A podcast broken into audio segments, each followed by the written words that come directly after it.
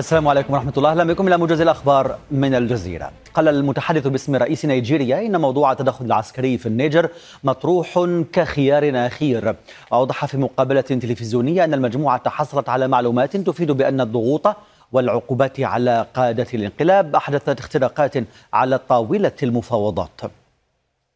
وفيما يتمسك قادة الانقلاب بطرد السفير الفرنسي من النيجر أبدى الرئيس الفرنسي إيمانويل ماكرون تمسكه ببقاء سفيره في نيامي وحذر الإكواس من التخلي عن الرئيس الشرعي محمد بازوم مشيرا إلى وجود تباين في الموقف الدولي بشأن التعاطي مع الانقلاب في النيجر. تفقد رئيس مجلس السيادة بالسودان عبد الفتاح البرهان قواته في قاعدة فلامينغو على ساحل البحر الأحمر شمالية مدينة بورت سودان. وأوضح أن خروجه من الخرطوم تم بترتيبات من الجيش وليس بموجب أي صفقة قال مالك عقار نائب البرهان إن رؤساء دول وحكومات أبدوا تفهمهم ودعمهم للشرعية في السودان في لقاءاته بهم خلال جولته الخارجية وأضاف أن رؤساء دول وحكومات أكدوا أنهم لن يتعاملوا إلا عبر الحكومة السودانية. قال مصدر سوداني للجزيرة إن رئيس مجلس السيادة بالسودان عبد الفتاح البرهان سيزور مصر اليوم الثلاثاء حيث يلتقي الرئيس عبد الفتاح السيسي.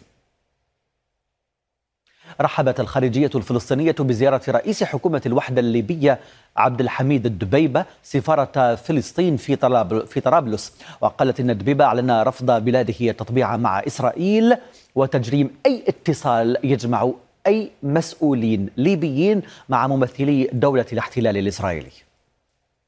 قال موقع أكسيوس إن إدارة الرئيس الأمريكي وجهت احتجاجا شديد اللهجة لإسرائيل عقب الكشف عن اللقاء بين وزير الخارجية إلي كوهين ووزيرة الخارجية الليبية. وأضاف الموقع أن مسؤولين أمريكيين كبارا اعتبروا أن الكشف عن الخبر أضر بالمصالح الأمنية الأمريكية في ليبيا.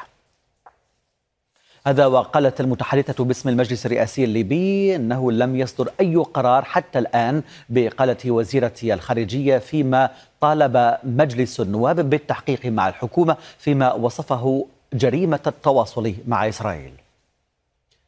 أكدت القوات الأوكرانية تقدمها في زاباروجيا واستعادة السيطرة على بلدة روبوتينو في المقاطعة. في المقابل نفت موسكو وأكدت إحباط هجمات أوكرانية على العاصمة وبرينياسك والقرم.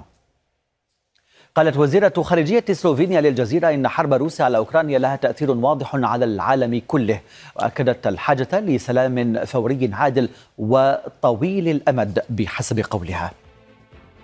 انتهى الموجز لما كنتم طبت أوقاتكم بكل خير.